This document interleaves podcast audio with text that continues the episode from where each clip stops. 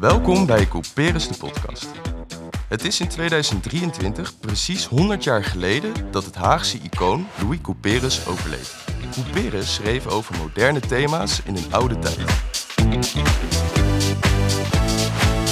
In deze podcast vertellen we je waarom je tegenwoordig de boeken van Louis Couperus voor je plezier of voor je lijst zou moeten lezen. Gaan in gesprek met kenners van zijn werk en we gaan op zoek naar de schrijver en de mens Louis Couperus. Er wordt gezegd dat je jezelf beter leert kennen door het werk van Louis Couperus te lezen.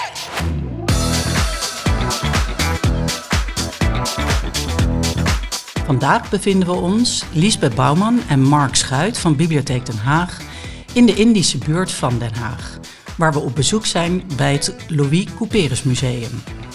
We zijn benieuwd naar de schrijver en de mens achter de schrijver Louis Couperus. En hopen antwoord op de vraag te krijgen: was hij non-binair avant la lettre? Mark, Hey, daar zitten we dan. ja. Ehm, nou ja, daar zit jij ook.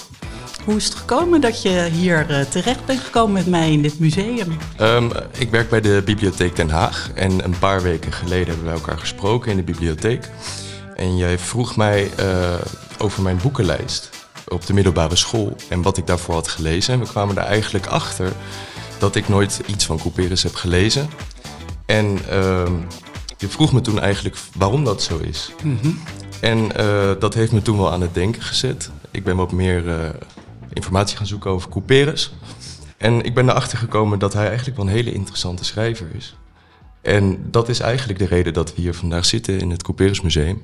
Ja, Ik, eh, ik eh, wil er wel achter komen welke, welke boeken van Couperus misschien interessant zijn om te gaan lezen, ook voor jongeren. En ehm, je hebt volgens mij nog wel meer vragen. ja, zeker. Maar je begint meteen eh, met de eerste vraag.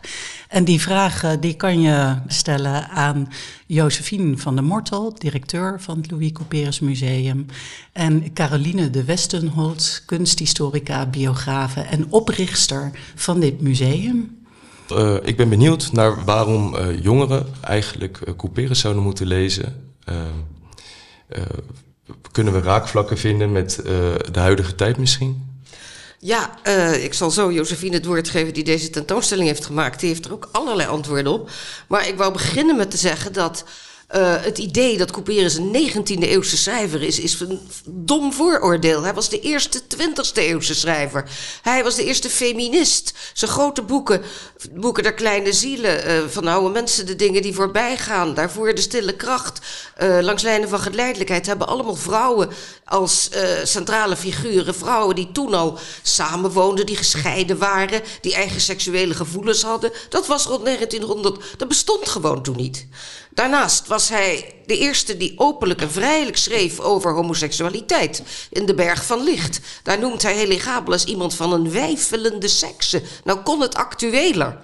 Uh, dan was hij een van de eerste die over het kolonialisme, kolonialisme zeer kritische opvattingen had. In De Stille Kracht heeft hij het over wij Westerlingen zijn idioot hier in dit land. Nou, dat was toen ook al ontzettend progressief.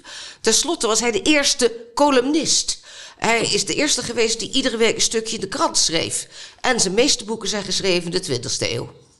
Nou, en Josephine die kan precies vertellen waarom jongeren zich bij deze tentoonstelling wat kunnen voorstellen. Nou, eigenlijk gaf Mark het zelf al aan. Mark zei van, uh, ik, ik kan me wel verbinden met een Couperus die het lastig vond in het Haagse 1900. Nou, dat klopt dus helemaal. Couperus die had een soort van haat-liefde verhouding met Den Haag. Hij vond al die sociale conventies die met name in Den Haag... Den Haag is een stad van, was met name rond 1900, maar ook nu nog... een stad van allerlei groepjes. En als je ergens binnenkomt, nou, dan moet je maar kijken of je erbij mag horen. En soms bepalen andere mensen dat je er niet bij mag horen. Die conventies, die grepen af en toe Couperus zo naar de keel... dat hij zich heel onvrij voelde in Den Haag van 1900... en dat hij af en toe wilde ontsnappen... Wat deed hij dan? En dat laten we ook zien hier in de tentoonstelling. Dan ging hij naar Italië. Want daar in het zuiden, daar voelde zich vrij. En daar kon hij zijn wie hij wilde zijn. En dat is dus iets ook wat, denk ik, jonge mensen van nu aanspreekt. Van, ja, hoe ga ik om met mijn leven? Wat, wat uh, met deze, wat je zelf ook al aangaf, met die moeilijke wereld van nu. En dat zie je ook weer terug. Dus je ziet het terug in de persoon van Couperus, maar je ziet het ook terug in de worsteling van de karakters uit zijn boeken. Als je bijvoorbeeld kijkt naar De Stille Kracht is overigens een roman die ik uh, heel erg kan, uh, kan aanraden.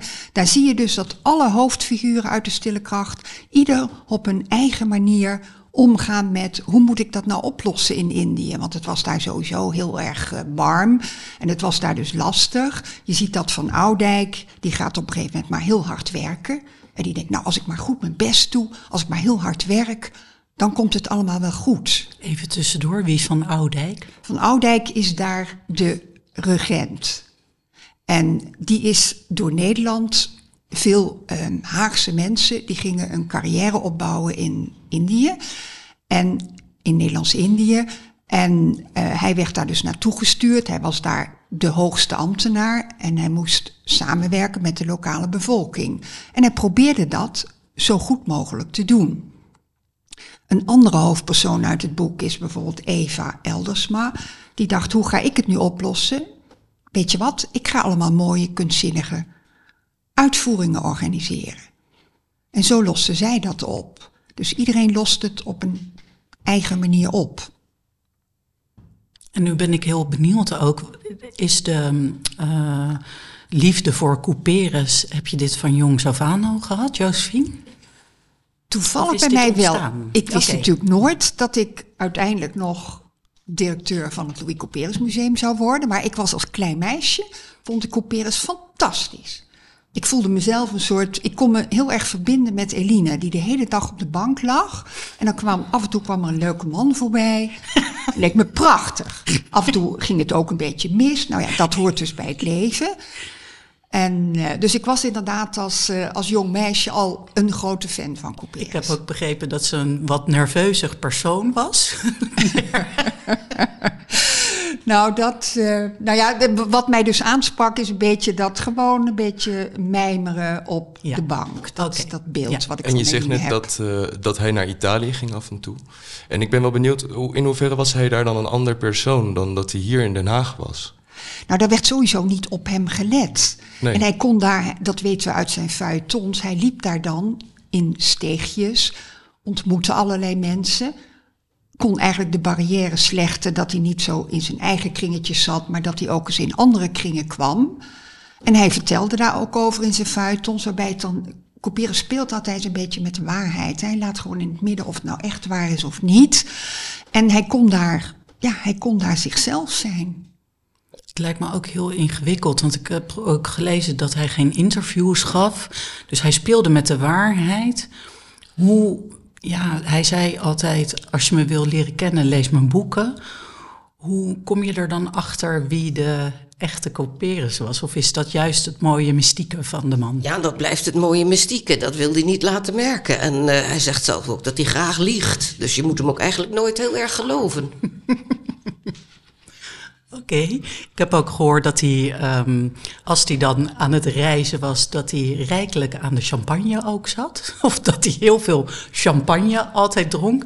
Ik heb, ja, ik kreeg daar wel meteen een beeld bij, bij zo'n man die op reis gaat, het uh, flink laat hangen, om het maar zo te zeggen. Klopt dat? Ja, dat klopt wel. En het was niet alleen Italië. Hij heeft ook tien jaar in Nice gewoond, in Zuid-Frankrijk. En hij probeerde in 1890 al Nederland te verlaten. Maar toen, is hij, toen heeft hij een paar maanden in Parijs gewoond. Wat natuurlijk het centrum was van de literaire wereld destijds. Maar daar uh, voelde hij zich niet thuis. Toen kwam hij al ras weer terug. Maar in Nice heeft hij tien jaar gewoond. Van 1900 tot 1910. En als je leest hoe hij zich daar amuseert met het carnaval. En hoe hij daar danst op tafeltjes. En ja, hij had natuurlijk een gat in zijn hand. Uh, zodra hij geld had, dan werd het uitgegeven. En hij verdiende helemaal niet zo weinig. Maar het was altijd op. Zijn vrouw had de knip op de beurs. En uh, ja, hij leidde toch best een prettig bestaan als je daar de verhalen van leest. En op het moment dat het geld op was, dan ging hij weer opnieuw schrijven? Of ging dat schrijven gewoon altijd door, ondanks het carnaval vieren? Ja, dat ging altijd door. Maar ze hebben in Nice op een zeker moment ook een familiepension gehouden. Want het vreemde is, in de jaren 1890 verkochten zijn boeken heel goed. Na 1900, toen hij wat wij nu zijn beste werk noemen... Hè, uh, wat ik straks al noemde, van de stille kracht tot en met van oude mensen... de dingen die voorbij gaan... Dat verkocht niet, dat was gewoon te progressief in die tijd. Pas na zijn dood werden die boeken populair in Nederland. Want in Engeland en in Duitsland werden ze wel verkocht. Daar waren ze al, de, daar werden ze gewoon goed ontvangen. De Haagse romans mee... werden veel vertaald en herdrukt. Mm -hmm. Voordat bijvoorbeeld in Nederland in 1935 pas de tweede druk van de boeken Der Kleine Zielen verscheen. En in Duitsland waren het weer de mythologische en de historische romans die veel verkocht werden en herdrukt. En waar had het mee te maken dat het daar wel goed, waar de boeken daar wel goed liepen? En, en... Ja, en iets minder ontzettend conservatief en ouderwets publiek. En iets minder Calvinistisch ook. Want na de publicatie van De Stille Kracht werd hij de gidspornograaf genoemd. Kijk, ik zeg altijd tegen jonge mensen: je moet niet beginnen met Eline Veren. Je moet beginnen met De Stille Kracht. Dat gaat over uh, zwarte magie in voormalig Nederlands-Indië. En overspel, dat is veel spannender. En daarna, wat zou je daarna dan moeten lezen als je dan eenmaal begonnen bent met de stille kracht? Nou, bijvoorbeeld uh, van oude mensen de dingen die voorbij gaan voor, over een passiemoord in het voormalig Nederlands-Indië, die zijn effect heeft op vier generaties van de familie die volgen. Dat is gewoon een, een, een, een thriller. En natuurlijk de Berg van Licht, het verhaal over de opkomst en ondergang van de decadente Romeinse keizer Heligabelus. Nou, dat is decadent. Met die Heligabelus die begint als zijnde van een wijfelende sekse en dan overtuigd homoseksueel wordt. Dat is nog zo actueel als ik weet niet wat dat verhaal. Heeft het feit dat het hier minder goed uh, verkocht ook invloed gehad op hoe hij schreef? Niet hoe hij schreef, wel wat hij schreef. Oké. Want op een gegeven moment heeft hij besloten: ik schrijf nooit meer een roman. Oh. En toen is hij dus uh, columns gaan schrijven voor het Vaderland. Heeft hij gedaan tot aan zijn dood. Het begon in 1910. En tot een week voor zijn dood heeft hij iedere week zo'n column gepubliceerd. Maar hij is natuurlijk toch weer romans gaan schrijven. Maar alleen nog maar historische romans. Oh, oké. Dat zou misschien het het verschil kunnen zijn? Dat, die, dat, er, dat de thematiek veranderd is? Ja. Omdat het hier niet uh, goed verkocht werd? Precies. Ja. Want wat ik begrepen had, was er ook wel uh, iemand die ook schreef om geld, om ook geld hij moest wel, hij was een broodschrijver. Wij zijn maar de arme broodschrijvertjes, zegt hij ergens. Ja. en waar ik benieuwd naar ben, is, um, je bent oprichter van dit museum. Hoe ben je daartoe gekomen om dit museum op te richten? Nou, uh, dit huis was van mijn stiefvader Albert Vogel, de voordrachtskunstenaar. Ja, niemand zal hem meer kennen, maar hij was de broer van Ellen Vogel, de actrice. Dat zegt misschien nog wat. En die heeft zijn hele leven lang voorgedragen uit het werk van Couperus. En hij had hier een moderne kunstgalerie. En hij stierf veel te jong, deze Albert Vogel. En ik heb altijd iets willen doen met dit huis in zijn geest. Nou ja, wat kon ik nou beter doen dan uh, hier het Louis Couperus Museum uh, op te richten? Ja, fantastisch. En zo is het gekomen nu 27 jaar geleden. Ja. Dus, en uh, Albert Vogel was zeer gefascineerd ook door Couperus. En heeft die fascinatie doorgegeven. Ja, helemaal. En kan je daarover vertellen, over je fascinatie voor Couperus? Nou, ik was zeven jaar oud toen ik voor het eerst Couperus las, zeg ik altijd. Toen moest ik mee. Uh, het was dus mijn stiefvader. Mijn ouders zijn getrouwd toen ik zes was. Of mijn moeder met Albert Vogel. En nou, een jaar later zat ik in Diligentia. Uh, en zag voor het eerst dat Couperus-programma. Ik had natuurlijk geen idee wie of wat Couperus was of wat hij schreef, zeven jaar oud. Maar ja, toen hoorde ik hoe een hand slingerde een zwaar voorwerp... dat met ronde boog zich stortte in de afgrond... en brulde beneden in de uit haar vrome aandacht opgeschrikte zaal. Een duivige... Nou, enfin, enzovoort. Het eind van de binocle van Couperus. En dat eindigt met... daar wel de hersens spatten. En dan ben je zeven jaar en dan hoor je zoiets. denk je, waar gaat dit over? Maar ik vond het zo prachtig. En toen, een jaar later, werd president Kennedy vermoord. Nou, ik zal de enige Nederland zijn geweest die het spatten van de hersenen van Kennedy verbonden met de binocle van Louis Couperus. Zeker op achtjarige leeftijd. Zeven jaar, ja. Zeven jaar. Oh, toen was je nog zeven ja. jaar. Ja.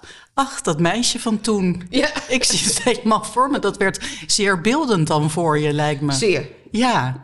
En um, uh, die, die fascinatie die uh, mondde uit in... Uh, want je was zeven jaar, toen las je dus al... Uh, het, of to, toen las je al. Ik, toen las je dus ook al de boeken van Couperus. Oh ja, ik hoorde dus op het toneel. Dat ja, doe ik ja, dan zo. lezen. Ja. En hoe oud was je toen je de boeken ging lezen van hem? Nou ja, kort nog? daarop ging ik erin snuffelen, want het stond allemaal in de kast in de eerste druk en ik mocht alles lezen wat ik wilde. En ehm, was je dan, je zegt snuffelen. Kan je je herinneren eh, eh, welk boek je voor het eerst las? Of is dat Eigenlijk niet, nee. Nee, nee. Omdat je hele leven toen al doordrenkt van Couperus? Het was doordrenkt van Couperus. Onze Ja. hond heette Fidessa. Ja. Eh, dat is de titel van een sprookje van Couperus. Eh, we hadden op zondag, net als in de boeken De Kleine Ziel, hadden we familietafereel. Er kwam de hele familie bij ons eh, over de vloer. We gingen met vakantie, dan gingen we Couperus gangen na in Zuid-Frankrijk en in Italië. Het was allemaal Couperus bij ons thuis. Ja. Maar op een heel natuurlijke manier. Niet, mijn vader heeft het me nooit opgedrongen, is zo Nee, goed. nee, want anders blijft het, beklijft het ook niet. Ja, dan ga je je er tegen afzetten Ja, natuurlijk. zeker. Ja. Dat is ook mooi dat dat niet gebeurd is dus. Ja, En uiteindelijk dat we hier ook zitten. ja. Ja, zeker. Eh, Mark, herken je dat? Die fascinatie, dat je zo in iets opgaat. Ja, zeker. Ik, ik maak eh, zelf muziek, ik ben componist. En eh, ik herken zeker dat als je met kunst bezig bent, of taal ook, dat je daar volledig in op kunt gaan. Dat je eigenlijk vlucht naar een andere wereld. Eh, dat is zeker iets wat ik herken, ja. Ja. En Josephine, hoe is het gekomen? eh, want het, hoe is het gekomen dat je hier eh, directeur werd van dit museum? Ja, dit is toevallig. Eh, ik zag een advertentie en eh, ik werd uitgenodigd en eh, wij hadden een gesprek. En dat, door Caroline werd ik uitgenodigd. We hadden een gesprek en dat klikte. En eh, zo is dat gekomen. Ja, en toen was het dit jaar, of is het dit jaar het jubileumjaar. Jullie hebben het uitgeroepen ehm, als herdenkingsjaar. Hoe is dat hoe hebben jullie dit zo bedacht? Nou, dat is wel grappig, want alle jaren met een drie, omdat Couperus is eh, in 1863 geboren, 1923 overleden, nu 100 jaar geleden. Dus alle jaren met een drie zijn een beetje bijzondere herdenkingsjaren. En daarom hebben we nu, omdat hij dus dit jaar dan 100 jaar geleden is overleden, is het dus nu ook weer een heel bijzonder jaar. En dan gaan overal in het land, dat is eigenlijk ook het mooie, allerlei mensen allerlei activiteiten bedenken in het kader van Couperus. Wat, welke activiteiten zijn dat? Weet je toevallig activiteiten? Ja, bijvoorbeeld eh, de Nieuwe Kerk. Ja. Die heeft nu besloten, in de Nieuwe Kerk hebben ze schrijversstenen. Dan krijgen beroemde schrijvers of eh, filosofen, die krijgen een steen in de Nieuwe Kerk. En nu krijgt eh, aanstaande zondag, krijgt dus Couperus ook een steen in de Nieuwe Kerk. Want de aanstaande zondag. Aanstaande zondag is dus precies de dag dat Couperus 100 jaar geleden overleed. Ah, oké. 16 juli. En hoe komen jullie, want jullie hebben nu eh, de tentoonstelling Couperus non-binair avant la lettre genoemd. Avant la lettre met daarachter een vraagteken. Hoe zijn jullie op dit eh, thema gekomen? Ja, we dachten omdat het nu zo'n bijzonder jaar is, dachten we, nu moeten we eigenlijk alle elementen van Couperus met elkaar verbinden. Alle dingen die we in zijn boeken vinden en die ook in zijn persoon zitten. Dus we gaan wat dieper in de persoon, we zijn wat dieper in de persoon van Couperus gedoken. Dus het is in wezen een soort van overkoepelende tentoonstelling, een soort van beleving, waarbij we in een zestal installaties de wereld van Couperus laten zien. En het bijzondere is ook dat we geen enkel boek laten zien. Maar het grappige is nu dat als mensen nu naar deze tentoonstelling komen, dan worden ze hier een beetje in opgenomen. En dan zeggen ze naar de hand van, nu ga ik een boek van hem lezen. En dan gaan ze meteen op hun telefoon bij bol.com een boek van Couperus bestellen. Dus we doen nu eigenlijk het omgekeerde. En dat, we hebben al gemerkt, dat werkt. En komen hier dan ook eh, jongeren naar het museum toe? Wij merken nu ook dat de, eh, eerst waren het overwegend ouderen, maar dat is overigens het geval bij ieder museum. Hè, dat mensen ongeveer 60, eh, 60 plus zal ik maar zeggen. Maar nu merken we dat jongeren ook zelf naar het museum komen. Dus niet eh, met de leraar of studenten, die komen nu gewoon zelf en die dwalen hier dan rond. En wat is hun reactie? Ja, dit vinden ze toch intrigerend. Ja, dat snap ik. Ja, ja, Ja, want bijvoorbeeld couperus die we daar in dat steegje in Rome hebben neergelegd. Er kwam een, uh, een, een, student, uh, die kwam naar mij toe en die zei... Ja, maar dat is net Goethe, die daar ook... Er is een schilderij van Goethe, die ook, ook in Italië... Want jonge mannen van goede familie, couperus was natuurlijk van goede familie... die gingen altijd even cultuur snuiven in Italië. Dus dat was in die tijd heel gebruikelijk. Dus Goethe deed dat ook, Proust deed dat ook en couperus deed dat ook. Dus die legde weer een andere Een verbinding. Ja. En hebben jullie ook eh, programma's voor scholen? Omdat je zegt, er komen ook mensen met hun uh, docent hier naartoe, of leerlingen met hun docent. Hebben jullie scholenprogramma's? Of Ja, we zitten niet in een officieel scholenprogramma, maar we hebben op ad hoc basis goede contacten met een aantal scholen in Den Haag. mooi. En nog even terugkomen op dat vraagteken. We hebben dus, want we willen we bedenken dat er in couperen zijn ook in de karakters van zijn boeken. Want hij zat dus eigenlijk ook in ieder karakter. Als hij Eline Veren schreef, dan werd hij Eline Veren. Vervolgens werd hij weer een koning, of werd hij weer iemand anders, of werd hij weer keizer Heliogabalus. En zo ging het maar door. En in Couperus en ook dus in de karakters van zijn boeken, die zijn allemaal wat fluïde van identiteit. Dus een beetje man, een beetje vrouw, wat je tegenwoordig non-binair zou noemen. En in de tijd van Couperus zou je dat androgyn kunnen noemen. En daarom hebben we gezegd van Couperus non-binair avant la lettre met een vraagteken, omdat we nou juist geen keuze willen maken. We hebben Couperus uiteindelijk in een rij van allemaal iconen, queer iconen, belangrijke iconen uit de kunst, die net een beetje anders zijn. In die rij plaatsen we Couperus. Dus in de rij van Andy Warhol, Martina Navratilova, Freddie Mercury, Frida Kahlo. En Couperus was dus eigenlijk rond 1900, voordat al deze mensen een icoon werden. Want was er iemand in die tijd met wie hij dan te vergelijken nog is? Bijvoorbeeld Oscar Wilde, zou je ook kunnen zeggen. En daaraan zie je dus ook dat Oscar Wilde zat ook een beetje tussen man vrouw in en kon, had, hè, was een wat feminine man, kon niet zijn wie die wilde zijn en ging dan gewoon letterlijk het gevang in. Ja. Was, er, was er in die tijd veel kritiek op uh, Couperus' boeken eigenlijk? Ja, enorm veel. Wat ik al zei, na de publicatie van De Stille Kracht werd hij de gidspornograaf genoemd. Ja. En in die eerste eh, grote boeken, wat we nu zo grote romans noemen, daar waren het dus vooral vrouwen die, die, die een eigen seksualiteit toedacht. Maar het ergste was het Na de Berg van Licht, want dat was zo'n schandelijk boek. Daar kon Nederland niet mee omgaan in die tijd. En wat vond hij daar zelf van? Nou, dat vond hij verschrikkelijk, want hij wist Ja. maar al te goed dat het zijn grote werk was. En eh, hij is toen ook heel erg verdrietig geweest. Heeft wat je, noemt, wat je nu zou noemen echt een depressie gehad. En heeft dat invloed gehad op zijn schrijven dan ook? Nou ja, wat ik zei, daardoor Ja. is hij columns gaan schrijven. En eh, zei hij, ik schrijf nooit meer een roman. Maar dat is, heeft hij gelukkig wel gedaan. Maar is hij bijvoorbeeld extremer geworden in zijn schrijven toen? Nee, Dat niet. Hij is wel bij zichzelf gebleven. totaal bij zichzelf gebleven. Hij wist wat hij waard was hoor. Ja, oké. En de Berg van Licht, kan je omschrijven waar dat boek dan over ging? Nou, dat is het Of verhaal gaat. van de opkomst en ondergang van de decadente Romeinse keizer Heliogabalus. Die regeerde van 218 tot 222, dus maar vier jaar. Eh, hij stamde uit een familie van Syrische oorsprong, Syrisch-Romeins. En hij begon zijn leven in Emessa in Syrië, het huidige Homs, waar hij hoge priester van de zon was. En eh, die hoge priester moest volgens de opdracht van zijn guru Hidaspes, moest hij daarnaar streven om een, eh, te zijn zoals de androgyne oorspronkelijke god. In veel oude godsdiensten, vooral het gnosticisme, was de oorspronkelijke god tweeslachtig, was zowel man als vrouw. Dus dit is al een heel oud concept. Dat gaat duizenden jaren terug. En hij was van een dermate vrouwelijke schoonheid. dat hij dat ideaal gewoonweg perfect incorporeerde. En hij moest in die heilige dans voor de zon. moest hij, eh, waar hij danste om een zwarte steen, waarschijnlijk een meteoriet. moest hij dan proberen te reïncarneren. of te incarneren als die goddelijke eh, zonnegod die androgyn was.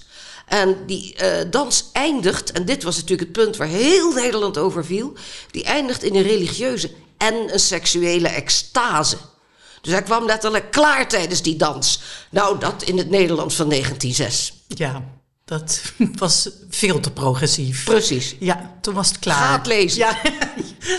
nou, Over, over religie gesproken, ik vraag me af, geloofde Couperus in het lot? Ja, hij geloofde in het- de macht van het noodlot. Ja? En dan in die zin dat het iets is dat uit de mens zelf voortkomt. Hè? Je wil iets, maar je kan het niet. Want ik heb ook wel eens gehoord dat hij een aanhanger was van het fatalisme. Dus het idee dat je geen invloed hebt op je, op je eigen lot. Nou ja, je bent in de greep van het, in de klauwen van het noodlot, zoals hij het zegt. Je Ja. wilt iets bereiken, maar het lukt je niet, want je bent niet goed genoeg.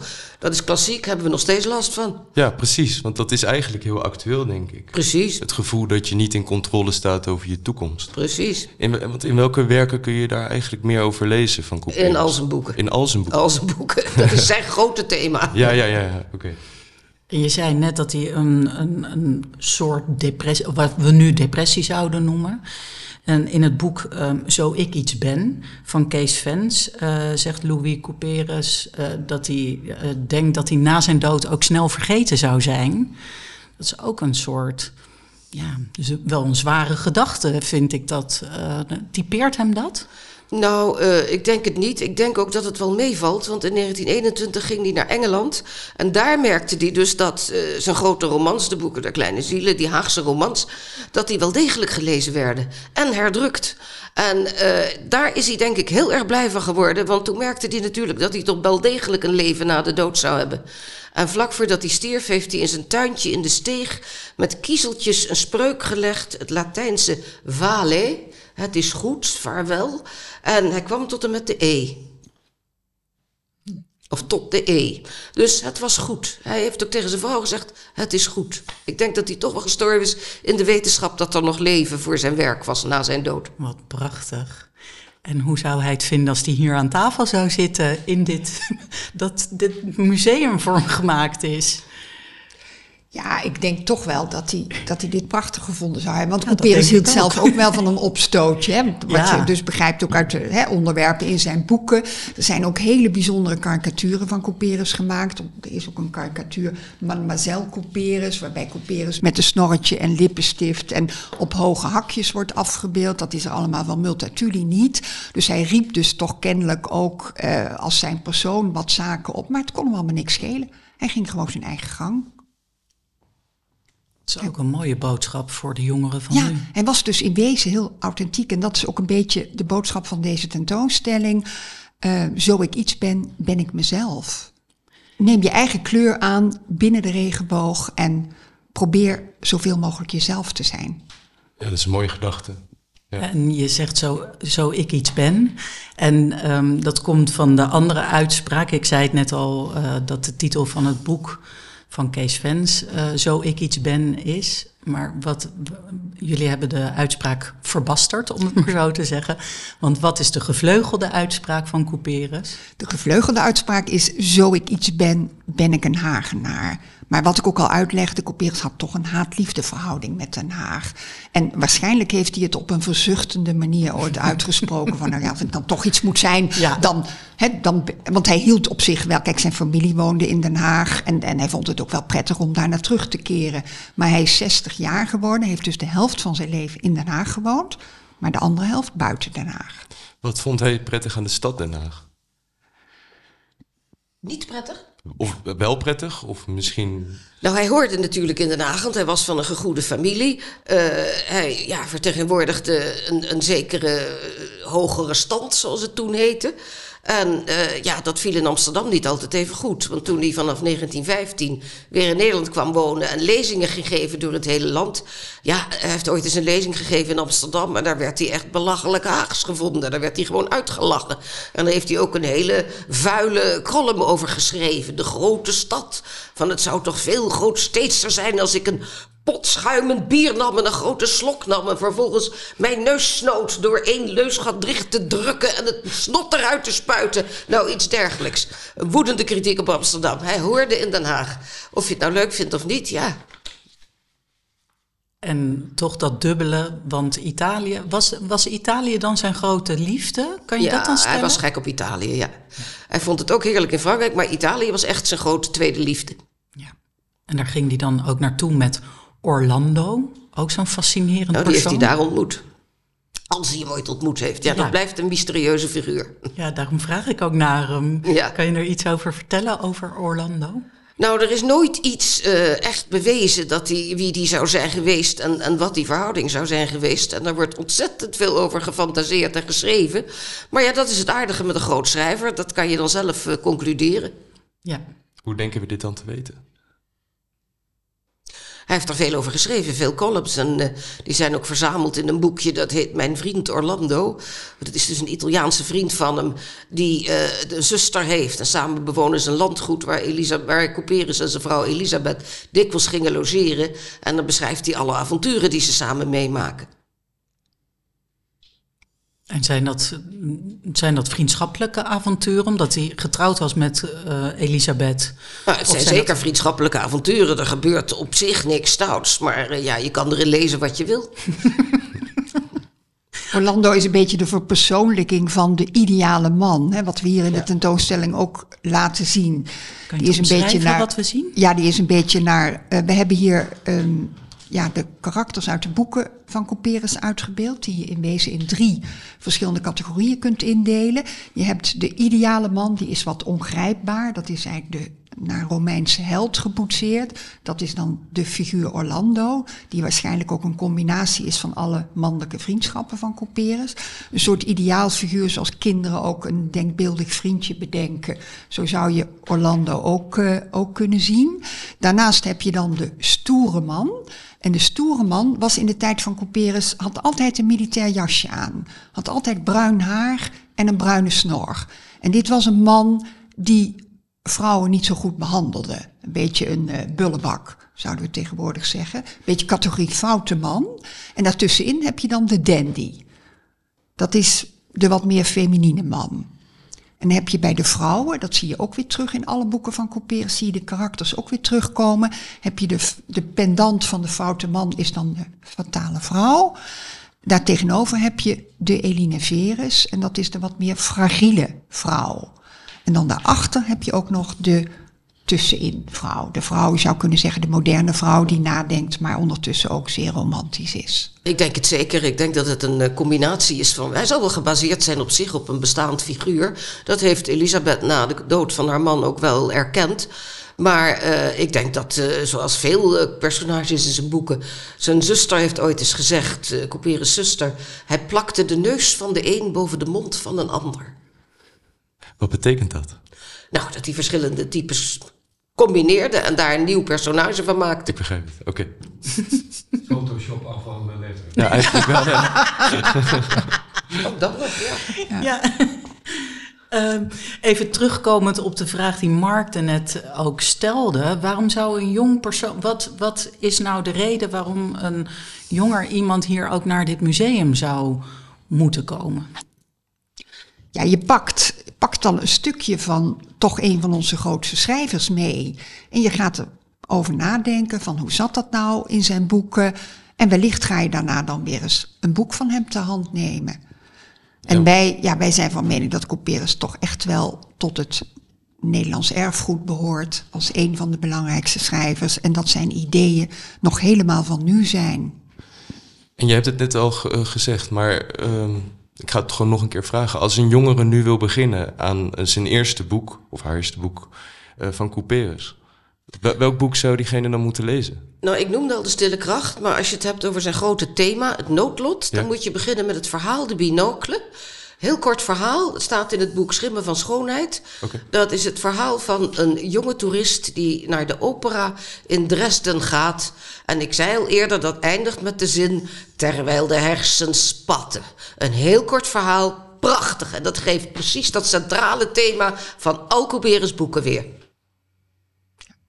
En Josephine, um, welk boek zou degene die dan um, ja, dit verhaal prachtig vindt, daarna kunnen gaan lezen? Of daarna zou ik um, De Ongelukkige willen aanraden. Dat is een hele mooie historische roman over Granada, de val van Granada, 1492. En daarin beschrijft Couperus Boabdil, de laatste Moorse heerser. En dan zie je eigenlijk net als in de stille kracht dat Couperus enorm veel compassie heeft met de Moorse cultuur, die in wezen gewoon veel hoger was dan de Europese cultuur, maar die met de val van Granada ten onder ging. En je ziet dat Couperus dat op een prachtige manier beschrijft. Het, is, het leest ook als een avonturenroman. En het, ja, je pakt ook nog een stuk van de geschiedenis mee. Ik ben wel enthousiast geworden over. Ja, ik denk dat ik. ehm, ik denk dat ik jullie advies wel ga volgen. Ben je nieuwsgierig geworden en wil je boeken lezen van Louis Couperus? Vraag ernaar in de mediatheek van jouw school of kom de boeken lenen in de bibliotheek. Laat ons weten wat je ervan vond.